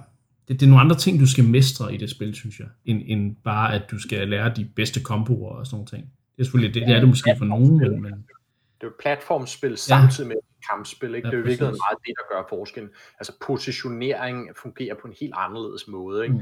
Jeg er fuldstændig enig med dig, Niklas. Det er også en af grundene til, at jeg er så glad for Smash Bros. Øh, versus de traditionelle kampspil, ikke? hvor at, at det er mindre arenaer og mere et spørgsmål om, om at huske kombinationer og kunne, kunne eksekvere de rigtige kombinationer på det rigtige tidspunkt. Ikke? Mm. Så synes jeg, der, der, der, der er man ude i noget, noget andet i Smash Bros. også med, med endnu mere positionering øh, betyder ja. rigtig meget øh, hele tiden at tage bestik af omgivelserne mm. og, og, og agere rigtigt. Ikke? Men så er det jo også et party multiplayer spil. Øh, Selvfølgelig. Oven i hatten med alle de, de sjove items og al den der craziness, der lige pludselig kan, kan ske. Især når, når der så også kommer Minecraft Steve og andre wacky karakterer med. Ikke? Så, øhm, og det er jo et spil, som vi også snakker om, øh, så det bliver stadigvæk øh, supporteret, øh, og det kommer det til at gøre, øh, i hvert fald ind i 2021. Ikke? Øhm, så må det ikke også, at det salgstal måske øh, bliver ved med at stige lidt. Så er der jo øh, imellem, mellem, sådan lidt, lidt over øh, midten af listen, der ligger der sådan tre spil omkring de her 18 millioner. Øh, nogle af dem tættere på 19 millioner end andre, men vi har Legend of Zelda, klassisk Nintendo franchise, Super Mario, øh, klassisk franchise og Pokémon, altså med Breath of the Wild, Odyssey og Sword and Shield. Og de har jo altså også bare solgt ja, ret godt på, på Switch lige siden den udkom. Ikke? Um, Breath of the Wild især jo, som er jo et, et launchspil. Um, jo, altså det er jo især, øh, altså det er jo især, vil jeg sige, uh, Breath of the Wild, der er det interessante her, fordi Zelda, ja, Zelda er en stor franchise, men det er jo ikke en franchise, der normalt når Nå. de her salgstal, vel? Det er mere normalt for Pokémon, det er mere normalt for Mario. Præcis. Men, men, men Zelda, Zelda har virkelig det er en, en, en, en renaissance her, ikke? eller, eller virkelig altså eksploderet til nye højder. Ikke? Øh, og, og det var ret vigtigt, kan man sige, for franchisen helt generelt. Men, men, men, men spillet også... har også været så vigtigt for Switchen, tror jeg. Fordi det netop ja. var det der launchspil, man bare, altså det er jo nærmest det, man købte Switchen for i mange tilfælde. Ikke? Det var helt unikt, en helt unikt ny, nyt type game design, nyt type open world spil, som, som altså, alle bare talte om, og alle roste til skyerne, selvfølgelig et af de bedst anmeldte spil i historien, jo, ikke? Mm. Øh, og så videre. Det, det skulle man bare spille, fordi det, det er virkelig noget unikt. Men, men i det hele taget kan man sige, at de tre, du nævner der, Niklas, ja. ikke? altså hvor 4, 5 og 6 henholdsvis bedst sælgende Switch-spil, er jo alle tre spil, der prøver at gøre op med nogle af de traditionelle dogmer, og har succes med det, ikke? Igen, Zelda med sin åbne verden, øh, Sword and Shield med sin åbne verden, sjovt nok også, ikke? Jo. Øh, ja, det kan måske debatteres. Ja, hvad du så end vil kalde det, Anne, i hvert fald, ja, ja, ja, ja. at der er en større øh, frem, fremsynethed i, i Sword and Shield, end der for eksempel er i, i Let's Go uh, Eevee og Let's Go Pikachu, ikke? Og, og så samtidig med Odyssey også selvfølgelig, ikke, som har den her fremsynethed i platformgenren. Og det er i hvert fald, synes jeg, tre eksempler på, at det lykkes øh, med at gøre det her. Øh. Ja, og det, de er i hvert fald populære, fordi det må man sige. 18 millioner, øh, så det, jo, det, er, det er altså også en god, øh, især for et spil, for, for spil, der er, de, de er jo især altså, normalt til hardcore øh, øh spillere, selvom Pokémon jo har et ret vidt appel, men, men igen, det er også fordi, de har alt det her mer- merchandise og øh, ja, med cross-media øh, ting og så videre, ikke? Men, men mm. det er vel stadigvæk et af de bedre sælgende Pokémon-spil, så vidt jeg husker. Det synes jeg, vi har snakket lidt om. Ikke det bedste, men, men altså, det, det må der være meget tæt på efterhånden. Jeg kan ikke lige alle tallene i hovedet, det vil jeg gerne indrømme, men det må være meget tæt på det bedst sælgende, er jeg ret overbevist. Jeg, jeg vil tro, at der er nogle af dem til DS, der har overgået det. Øh, der er også... Black and White, Pearl Diamond. Jeg kan ikke huske, ja, vi har været snakket lidt om det, men det er i hvert fald mm. imponerende øh, for alle, ja. altså man kan sige, uh, Super Odyssey uh, også, uh, ja, flot, flot salg, ikke? Mm. Så, Hvis jeg må lige må knytte en hurtig kommentar til Pokémon, uh, så, så er det jo måske ikke ligesom de to andre spil, et spil, Nej. der sådan, sådan uh, altså revolutionerer sin genre, ikke? Uh, jeg er måske lidt mere i tvivl om, hvordan Pokémon-franchisen ser sig selv gå, gå fremad, eller sådan i fremtiden, fordi der har godt nok været meget utilfredshed over de her spil, ikke? og det har været præget af udviklings, eller i hvert fald, at, at det skulle gå meget stærkt med at få et, nogle Pokémon-spil ud på Switchen. Øh, så, så det kan godt være, at det er solgt meget, men det bliver lidt spændende at se, om, om de ligesom mm. også lærer nogle af de lektier, der, der har været i forbindelse med, med Sword and Shield, ja, vil jeg sige. Det, det er kun sådan halve skridt, de tager i at forbedre og, forny franchisen, og så nogle steder, hvor de nærmest går tilbage øh, i stedet for at gå frem ikke? Øh, i forhold til ja. at revolutionere genre. Så der, jeg tror, du er helt, der er helt enig med dig, at den serie kan godt nå endnu nyere højder på, på design, øh, hvad hedder det? Ja. Men igen, spørgsmålet er igen, om det alligevel er det, som Pokémon øh, spillerbasen vil have. Øh, altså, jeg, jeg, jeg, vil i hvert fald bare sige, at jeg tror, vi har endnu ikke set uh, Pokémon-franchisen svar på Breath of the Wild. Det tror men det, jeg. Men det tror jeg kommer på et tidspunkt. Det, det er helt enig med dig i. Det, det, og det, det kan ske, men det kan også godt gå den anden vej. Jo, ikke? Så, ja. Men i hvert fald, de her tre spil, som er jo meget klassiske Nintendo-franchises, de sælger altså også ret godt og på Switchen her. Så øh, nede den nedre ende, der har vi øh, mere Pokémon, mere Mario, men vi har selvfølgelig, der har vi har Pokémon Let's Go på øh, 12 millioner, vi har øh, det i Pikachu, som er sådan set er et nyt remake af de helt gamle spil, ikke? Øh, med, med nyt game, en ny, ny måde at, at spille det på. Øh, vi har Super Mario Party, øh, som er det ikke det bedst tidende Mario Party spil med omkring, lige, sådan lige omkring 11 millioner. Lidt under jeg, jeg kan ikke huske det, men jeg husker bare ikke, at, at de som sådan plejer at sælge i, i, det, i det niveau. Ja, de er, de er deroppe af, vil jeg sige. Er de det? Okay. Ja, ja det kommer ikke bag på mig. Men jeg synes, øhm. det har været sådan meget definerende for Switchen, at man hører gang på gang, at det er det bedst sælgende spil i en franchise. Ikke? Altså, mm. man, man, jeg synes, man ser det gang på gang, at de, at de virkelig bare altså, stryger det ud af. Og så synes jeg mere, mere også, også specielt at se, det er jo Splatoon 2, en af deres helt nyeste franchises er på, på omkring 10 millioner. Øh, også virkelig stærkt for, for, for en franchise, som jeg er sikker på, at de så kommer til at fortsætte. Altså. ja, øh. selvfølgelig. Den er jo blevet en af deres største franchises, ikke? og den er især, især jo også populær i deres hjemland i Japan, jo ikke? Mm. hvor at, at, at, at, at, at især den, den yngre generation jo uh, lapper det i sig ikke? med det spil af forståelige grunde. Ja, uh, super cool spil, ikke? og igen den der repræsenteret ligesom essensen af den der også nye generation af udviklere hos Nintendo, der kommer mm. frem ikke, og, og bringer nye idéer til bordet, øh, nye måder at tænke kultur og kunst og stil og mode og alt muligt andet. Der er jo så mange elementer ja. i det spil, ikke? det er helt looket, det hele, ja, universet. Det synes jeg generelt set, ja. Oh, altså de, mange, mange af de nye spil også er, er nyt talent, og at det er den yngre generation, der nu får lov at steppe op som værende elite developers. Øh, og igen, det går også rigtig godt hånd i hånd med hele den der yngre målgruppe, som Nintendo også øh, vil have med ind i, i deres marketing og så videre. Ikke? Øhm, yngre og ældre, end hvad det har været før. Øh, og så en, en, en anden ting, som der, der er sket med Switchen, sådan helt, øh, helt vildt, de indie-spil, som sælger som varmt brød på den her maskine, det er indie, det er indie-konsollen over alle indie-konsoller nogensinde nærmest, fordi vi hører gang på gang, hvordan indie-spil bliver ved med at sælge, sælge bedst på Switch øh, i forhold til PC og de andre konsoller, ikke? Øh, det, det er ret vildt, at, men det er jo på en eller anden, altså på en eller anden måde, synes jeg, det, det giver perfekt mening, fordi mange indie-spil er jo ikke lige så, hvad kan man sige, mange af dem er 2D-spil, mange af dem er lidt mindre, øh, øh det er, de er ikke lige så komplicerede oplevelser nødvendigvis, men de er meget mere fokuseret på på, på, game, på interessante uh, gameplay loops, på, på interessante måder at fortælle historie på, øhm, mere, du ved, kompakte oplevelser og ting, igen, der går meget hånd i hånd med den måde, Switchen fungerer på. Det spil, du måske lige kan tage og spille 10 minutter i, og så holder du en pause, og så sætter du switchen i dokken, og så går du videre med det, du skal videre med. Altså, ja, ja jeg, jeg synes, det er virkelig godt match mellem de her indie-spil og switchen, øh, og det viser salgstandene også.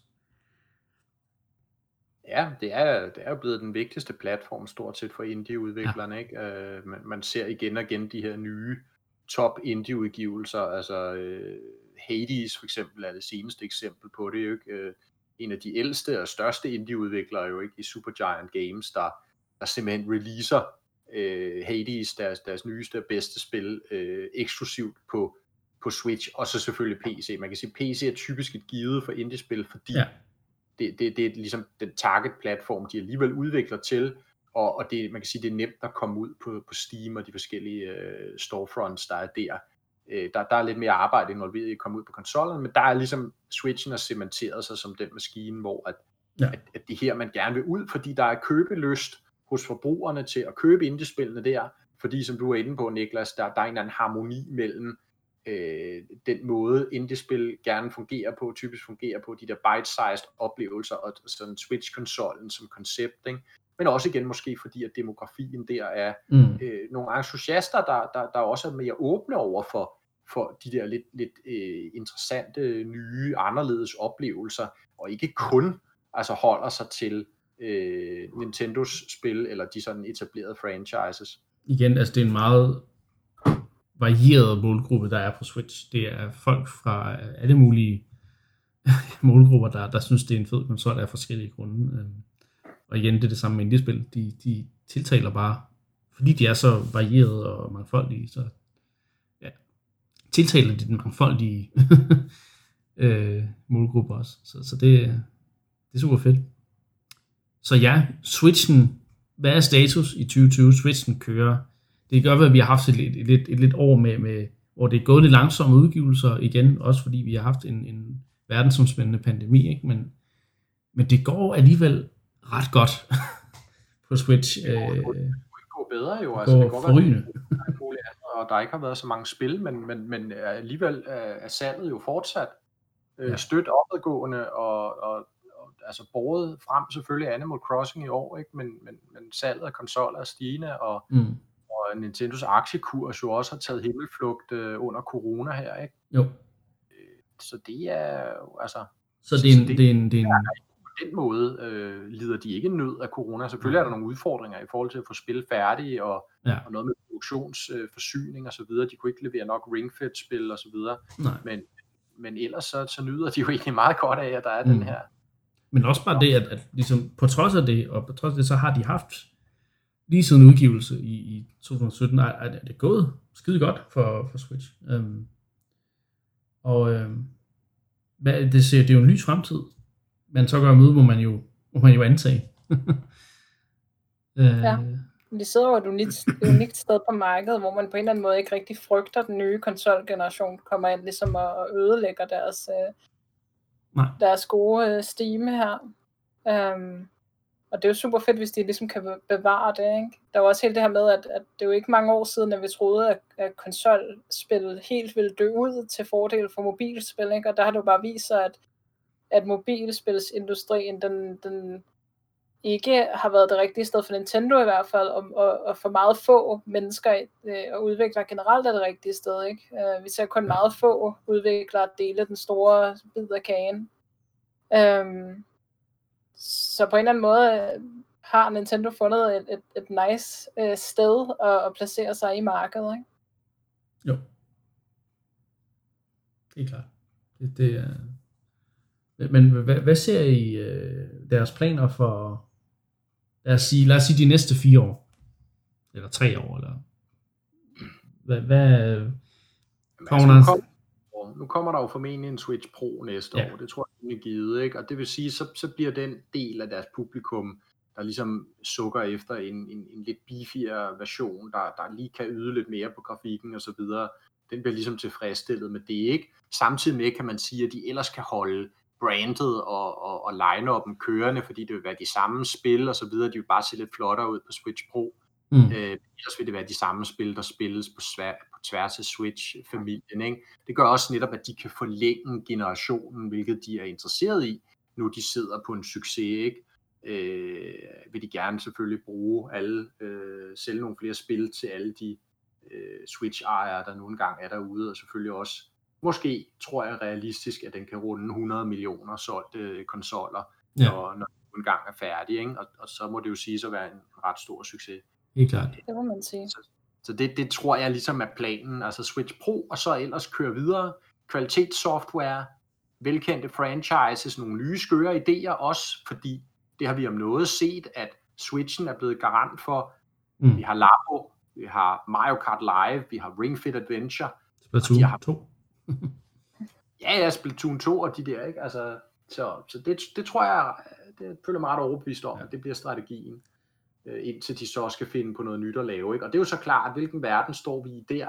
Det er de selvfølgelig allerede begyndt at tænke over, hvor meget øh, fylder VR, det betyder måske ikke så meget, hvor meget fylder cloud gaming, ja. den er måske mere interessant øh, på det tidspunkt, hvor meget er der egentlig stadig brug for en fysisk boks i hænderne, eller øh, under øh, tv'et og så videre. Ja, fordi cloud gaming er måske det, der kan udfordre Switchens øh, hvad kan man sige, eksistensgrundlag mest. Øh. Ja, ikke fordi, at der kan du så netop sige, okay, hvis, hvis det bliver cloud gaming, jamen, så kan du i teorien på din telefon, eller på et hvilket som helst device i virkeligheden, kan du så få den der, øh, tage det med på farten oplevelse, og når du kommer hjem, så sætter du det bare i gang på din, din store skærm, ikke, og så videre. Ja.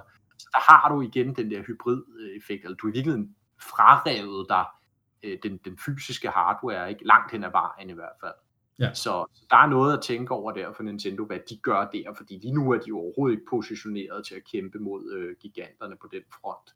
Nej. Øh, Microsoft øh, især, ikke? Øh, men også jo spillere som Apple eller Google osv. Nu har de godt nok ikke stort succes med det lige nu, men altså på et eller andet tidspunkt, så er det jo noget, der formentlig vil begynde at tage fart, og så er det spørgsmålet, hvem der ligesom løber med, med, med, med kagen der. Ikke? Jo, men øh, det bliver spændende at, at følge, men jeg tror også, det virker som om vi er enige om, at, det skal nok gå meget godt de næste, altså resten af Switchens øh, lev, lev, levetid. Især hvis de jo så kommer ud med nogle af de store spil, vi går og venter på her næste år, eller næste år igen. Øh, Breath of the Wild 2, måske får vi en dag med Metroid Prime 4 på et tidspunkt. Måske. Øh, hvis ikke det bliver skubbet til den næste konsol. Øh, Nej, men, men jeg tror, øh, ja, det er i hvert fald en, en af de, de mest, øh, en af de konsoller, på, både på hos Nintendo, men i det hele taget, som jeg har det, haft, haft, haft det bedst med. Altså det, jeg har spillet ufattelig meget på den Twitch, i forhold til andre øh, konsoller, jeg har ejet. Jeg, jeg har den nærmest med altid, hvis jeg skal nogen steder hen, og øh, ja, jeg, når, jeg, når, jeg, når der kommer et nyt indie-spil, så til først jeg tænker, kommer det til Switch? Eller hvornår kommer det til Switch, fordi jeg skal have det på Switch. øhm, og så igen, ja, har nogle af de, de, nogle af de fedeste oplevelser, jeg nogensinde har spillet, især Breath of the Wild, som er det her crazy uh, reimagining af, hvad et Zelda-spil kan og er. Ikke? Så ja, det er i hvert fald mine rosende ord. ja, omkring, man kan jo øh, godt være enig. Switch. Øhm, og ja, igen, jeg, det gør bare, jeg, jeg er bare glad for, at Nintendo er tilbage øh, i, i, i stor, stor form. øh, igen, det, Switchen var, øh, undskyld, Switchen Wii var jo en af, det er jo en af deres bedst sælgende produkter nogensinde, men på en anden måde, så var det også som om, at jeg også lidt, som i hvert fald den, den gamer-type jeg er, der følte jeg mig lidt mere glemt i Wii-æraen, øh, end jeg gør på Switchen. Og Wii U var jo, som jeg sagde, lidt et flop, ikke? Så så på en eller anden måde, så som om, at Nintendo, Nintendo's back, baby. Altså. det må man sige. Ja, der tror jeg nu mere, at øh, du, du skulle bare dele øh, økosystem med, med en masse nye gamere, hvis, hvis jeg skal... Hvis ja, det gør jeg jo også nu, kan man sige. Så, så det igen, gør du også ikke? Altså, fordi der var masser... Selvfølgelig var der det, men, men jeg havde det ja. bare... Det var en anderledes følelse, jeg havde, da Wien var, var stor.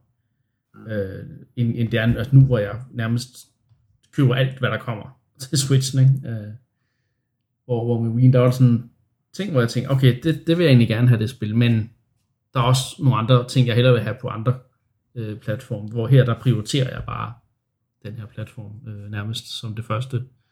Øh, så så det, jeg, det, for mig er det i hvert fald som om, at, at, at, at Twitchen kan noget mere og noget andet for mig. Øh, men ja, det, øh, det kan vi jo diskutere til dommedag nærmest. øhm, det tror jeg også. Vi skal også lige nå at snakke lidt retro, inden vi, øh, vi runder af øh, i dag. Så, så det synes jeg, vi skal springe videre til. Øhm, vi skal snart spille igen, som, som jeg ikke rigtig har spillet, men, men som, øh, som jeg tror, I to har, har gode øh, minder omkring. Det er Rayman 2, The Great Escape, som jo er efterfølgende til et, et af de spil, som jeg synes var, var helt fantastiske tilbage på PC skråstreg. Ja, det var det så Playstation, jeg spillede på, men det, det første Rayman var, synes jeg var helt vildt fantastisk spil. Øhm, og det er det, jeg har spillet, men så har jeg så ikke spillet toeren her. Hvad, hvad, hvad, hvad kunne Rayman 2, The Great Escape? Hvad siger du, Anne? Uh, ja, altså, um, nu er måske ikke den, der har spillet Rayman uh, 2 mest, men uh, jeg har det jo meget ligesom dig, Niklas, at uh, etteren var det her super, virkelig fede univers med, med sådan meget eventyrligt magisk og meget sådan meget glad univers på en eller anden måde, ikke? Mm. Uh, hvor toeren jo så, udover at gå fra at være et 2D-spil til at være et 3D-spil, um, også ændrer karakter i, i, sådan, i, i den her glade eventyrverden, bliver lidt mere dyster og lidt mere sådan skummel. Øhm, men, men jeg husker det egentlig mest som om, at, at, at jeg følte mig egentlig ikke lige så sådan øh, velkommen i Rayman 2, som jeg gjorde i, i det første. Øhm, jeg ved ikke, hvordan du har det med det, Mark, øhm, øh, for jeg ved, at du, øh, du måske er meget vild med toren i forhold til, hvor glad for toren jeg var. For, for jeg følte egentlig lidt, at det, det blev sådan dystert på en måde, som jeg egentlig ikke rigtig forbandt med Rayman-franchisen. Mm, ja, det, det kan jeg godt til dels følge dig i. Altså, man kan sige, som du siger, det, det første Rayman er øh, meget de her glade figurer, glade verdener, man kommer igennem med feer og øh, ting, der glitrer, og funklende krystalkugler, og selvfølgelig nogle fjender, man skal forbi, men, men sød langt hen ad vejen. Ja. ja, sød musik, rigtig flot, sådan klassisk musik. Og så kommer toren, som er det her sådan lidt mere, jeg ved ikke om gritty er nok det forkerte ord at bruge, fordi jeg synes stadigvæk, toren er, er rigtig eventyrligt.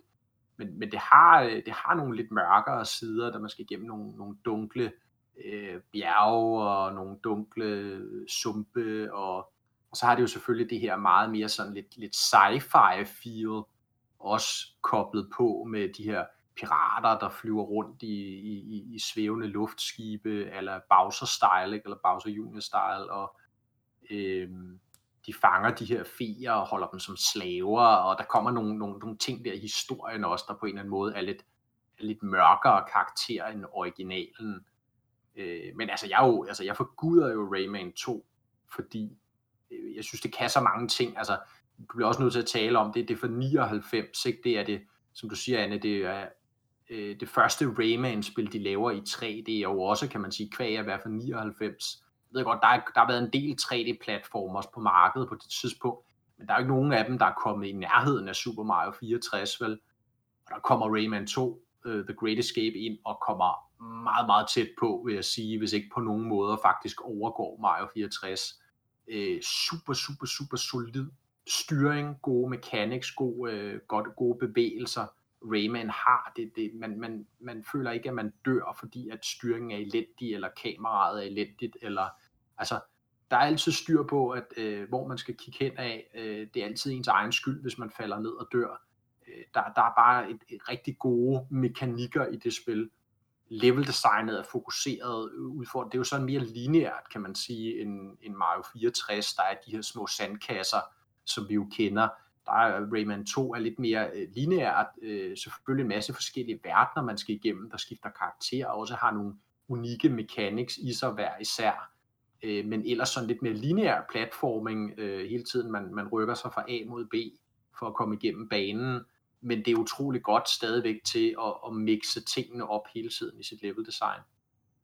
Øh, så, så det er de to, det, det to af de ting, jeg husker, men også altså igen universet øh, gjorde et eller andet. Altså det, det kan også være noget med min alder der, ikke? kan man sige. Jeg er sådan lidt øh, teenager på det tidspunkt, ikke? Øh, og, og netop at det får lidt de her lidt mørkere nuancer i sit øh, look and feel. Der er også noget med, altså jeg er helt vild med musikken. Den får lidt de her melankolske nuancer, som, som, som jeg typisk holder meget af. Øh, så, så, så det har ramt noget i mig på det tidspunkt, mm. ikke? Øh, at, at det netop har fået den øh, side, eller det aspekt med os, som, som, som måske så lidt, kan man sige, har, har talt imod dig, Anne, eller det, det ved jeg Ja, det, det, det tror jeg måske, jeg har været lidt for ung. Jeg kan huske, at jeg synes egentlig, at det var sådan ret uhyggeligt. Ja, men det er det jo også til tider, ikke? Men, men, men altså, hvis man spiller det i dag, jo, vil, vil, vil det jo ikke være noget, vel? Øhm, men, men det er klart, der er et skift. Det er et skift, ikke? Også som jeg siger, musikken er meget mere nuanceret i, sit, i sin, altså, Ja, altså, og titeltemaet, ikke, når man starter spillet op, er sådan meget mystisk, og sådan ikke, altså, som om man virkelig er ude på nyt territorium. Det er ikke de her glade, genkendelige melodier, vi kender fra etteren, hvor alt bare er fryd og gammel og, og farverigt, ikke? Jo. Men så kan man jo også sige, at altså en anden ting, de gør rigtig godt i toeren, er det her med, at sværhedsgraden bliver justeret til et niveau, hvor det rent faktisk er muligt at gennemføre det, uden at skulle bruge koder eller eller, ja. eller, eller spille det fuldstændig til døde, fordi det var jo en ting ved etteren, som jeg tror, de fleste har glemt, øh, eller, eller overså måske, man var meget ung, ikke? men det er jo et voldsomt svært spil. Ja, man. Jeg har lige kommet forbi verden 2 i Rayman 1. Det, jeg siger Nej, det er jo det, ikke? øh, og, og, der er jo også, altså jeg vil sige, det er jo ikke fordi udelukkende heller, jeg vil sige, etteren er bare sådan et happy-go-lucky spil, for der kommer også nogle verdener senere hen, ja, det. Det, det skifter lidt karakter og får de her lidt mørkere nuancer, også de her lidt mere sælsomme melodier, der ikke bare sådan er, er glade toner, ikke? Så mm. ikke fordi jeg føler, at toeren i virkeligheden er sådan et stort brud i, i stemningen for Rayman, men, men, men, men, men jeg vil godt gå så langt til at sige, at den lige tager det, det næste skridt med, ikke? Øh, også som jeg sagde, at den har noget i historien omkring slaveri og så videre, de her stakkels magiske væsener, der bliver taget til fange de her brutale pirater, ikke? Øh, metalpirater er det jo, eller lavet ud af jern og metal, ikke? Mm. Der er sådan noget med industrialisering også, at de kommer ligesom og, og, og smadrer de her flotte skove og, og, og, og marsker og, og sumpe og så videre, ikke? Ja. Øh, deres industrialiserede ting og tingeltangel, ikke? Ja. Jamen, det vil, jeg vil også sige, at, at, at toren er god, altså den sådan udbygger ligesom det første Rayman-univers, og, og sådan tilføjer nogle af de karakterer, som stadig er med i dag, ikke? altså netop de her små mænd, man, øh, jeg kan ikke huske, hvad de hedder, men de der små mænd, der er konger og kejser og så videre. Øh, og så selvfølgelig også øh, Glowbox, Glo- Glowbox, ja. øh, karakteren, som, som jo er blevet en fast del af universet nu, ikke? Øh, og så var det jo interessant med, med altså det der var også altid interessant øh, det, det, med, med den her type spil, er jo, at det udkom, øh, det udkom på Nintendo 64, altså var ligesom den, den primære platform, det startede med at udkomme på, så blev der så lavet nogle variationer, både til Playstation, men det var så en, en relativt øh, nedgraderet version, ikke? der kom også en Dreamcast version, det er måske så i virkeligheden den bedste version, men Nintendo 64 versionen var ligesom den første, Øh, og igen det her meget, meget flotte 3D-platformer spil, mm. ikke? Altså, der virkelig kunne måle sig, synes jeg, med, med, med de allerbedste, eller den allerbedste i Mario 64, øh, og, og på nogle punkter faktisk overgå det. Og det var altså ingen smal sag i, på det tidspunkt, vel mange andre havde virkelig, virkelig store problemer med at bare få helt elementære platformer, ting som, som kamera og, og, og hop og så videre til at fungere ordentligt, ikke? Øh, mm der, der sidder Rayman 2 altså bare lige i skabet. Det er stadig utrolig spilbart den dag i dag. Øh, utrolig gode mechanics, utrolig god føling på Rayman, når han hopper og slår fjenderne og så videre. Altså det, det synes jeg. Ja. Og måske også, altså, det Rayman-serien jo så senere gået tilbage til, til to dage med de to nyeste spil. Ja, Øh, så interessant at se, om de, de kunne finde på at kaste sig ud i noget 3D igen på, på et tidspunkt. Ja, nu er der jo så sket det, øh, kan man sige, at, at, at opfinderen, skaberen af Rayman, ham der hedder Michel Ancel, øh, han har forladt Ubisoft jo her øh, for nylig faktisk. Øh, der var noget ballade og noget virak omkring hans øh, afgang, øh, men nu skal han åbenbart lave noget helt andet end computerspil. Men derfor kan man sige, at det er jo stadigvæk en mulighed for Ubisoft at, øh, at, at køre franchisen videre. Ikke? Men, men, men altså, jeg vil nok sige, på mange måder er Rayman 2 faktisk mit yndlings Rayman-spil. Altså jeg er altid glad for, jeg har lige en ekstra forkærlighed for 3D-platformerne, og jeg synes, toeren er det bedste, den bedste øh, Rayman 3D-platformer. Der er også en Rayman 3, som, som er fint nok, men, men, men ikke helt på niveau med toeren, synes jeg. Mm. Øhm, og så var jeg jo skuffet personligt over, at der ikke kom en, øh, eller er kommet en Switch-version, fordi den lidt spøjs sidehistorie til Rayman 2 er jo, at Ubisoft senere brugte det som launchspil, både på, da, da DS'en kom på markedet, der lavede de et, øh, et, en DS-fortolkning øh, af Rayman 2, og senere også, da 3DS kom på markedet, så var de på den igen med en, øh, en, en fortolkning af Rayman 2 dertil, så jeg tænker lidt, hvor, er, hvor bliver Switch-versionen af Rayman 2 af? Det kan være, de bare siger, ej, vi får Rayman 3 i stedet for. ja, den er heller ikke kommet, så... Ja, ja men ja. Øh, jeg kan godt høre, at der er lidt, lidt øh, så er der lidt forkærlighed for Rayman. Jeg sidder og tænker, Niklas, hvordan kan det være, at du ikke har spillet Rayman 2? Altså, du er der også en stor øh, plat, 3D-platformer nød, er ikke? Det er jo øh, netop fordi, at øh, Nintendo 64 var jo ikke en konsol, jeg selv ejede. Oh. Øh, og, og min nabo der, som der købte alle, øh, så havde 64'erne og fik, fik forskellige spil af sine forældre. Det var aldrig Rayman 2, der, der landede under hans øh, juletræ. Det var mest sådan first party uh, Nintendo-spil. Ja. Um, så, så det var, ja, Super Mario 64 især, der, der ligesom, så jeg, jeg tror bare aldrig rigtigt, jeg helt forstod, at der var noget, der hed Rayman 2, The Great Escape, før meget senere, og så har jeg ikke ligesom haft den der nostalgiske interesse for at spille det, fordi der har jeg jo, jeg har jo kun haft nostalgi for det første med i 2D, ikke? Um, selvom det er virkelig, virkelig svært spil. Um, så, så jeg kunne egentlig også godt tænke mig, at de udgav det igen til Switch, når nu jeg har hørt senere her, det er faktisk mest efter, jeg er begyndt at lave, lave indcast, hvor jeg ved også, at uh, Christian H. Uh, var meget glad uh, for de der spil. Ikke? Så, så altså, det er først sådan rimelig for nylig, jeg sådan har fundet ud af, okay, Rayman 2 var, var ret, ret fedt og ret godt. Så jeg må, jeg må have det prøvet på et tidspunkt. Um, er, er ret fedt og er ret godt, ikke? Altså, jo, jo. det holder, synes jeg virkelig. Det gør det. Ja, det er godt. Så, øh,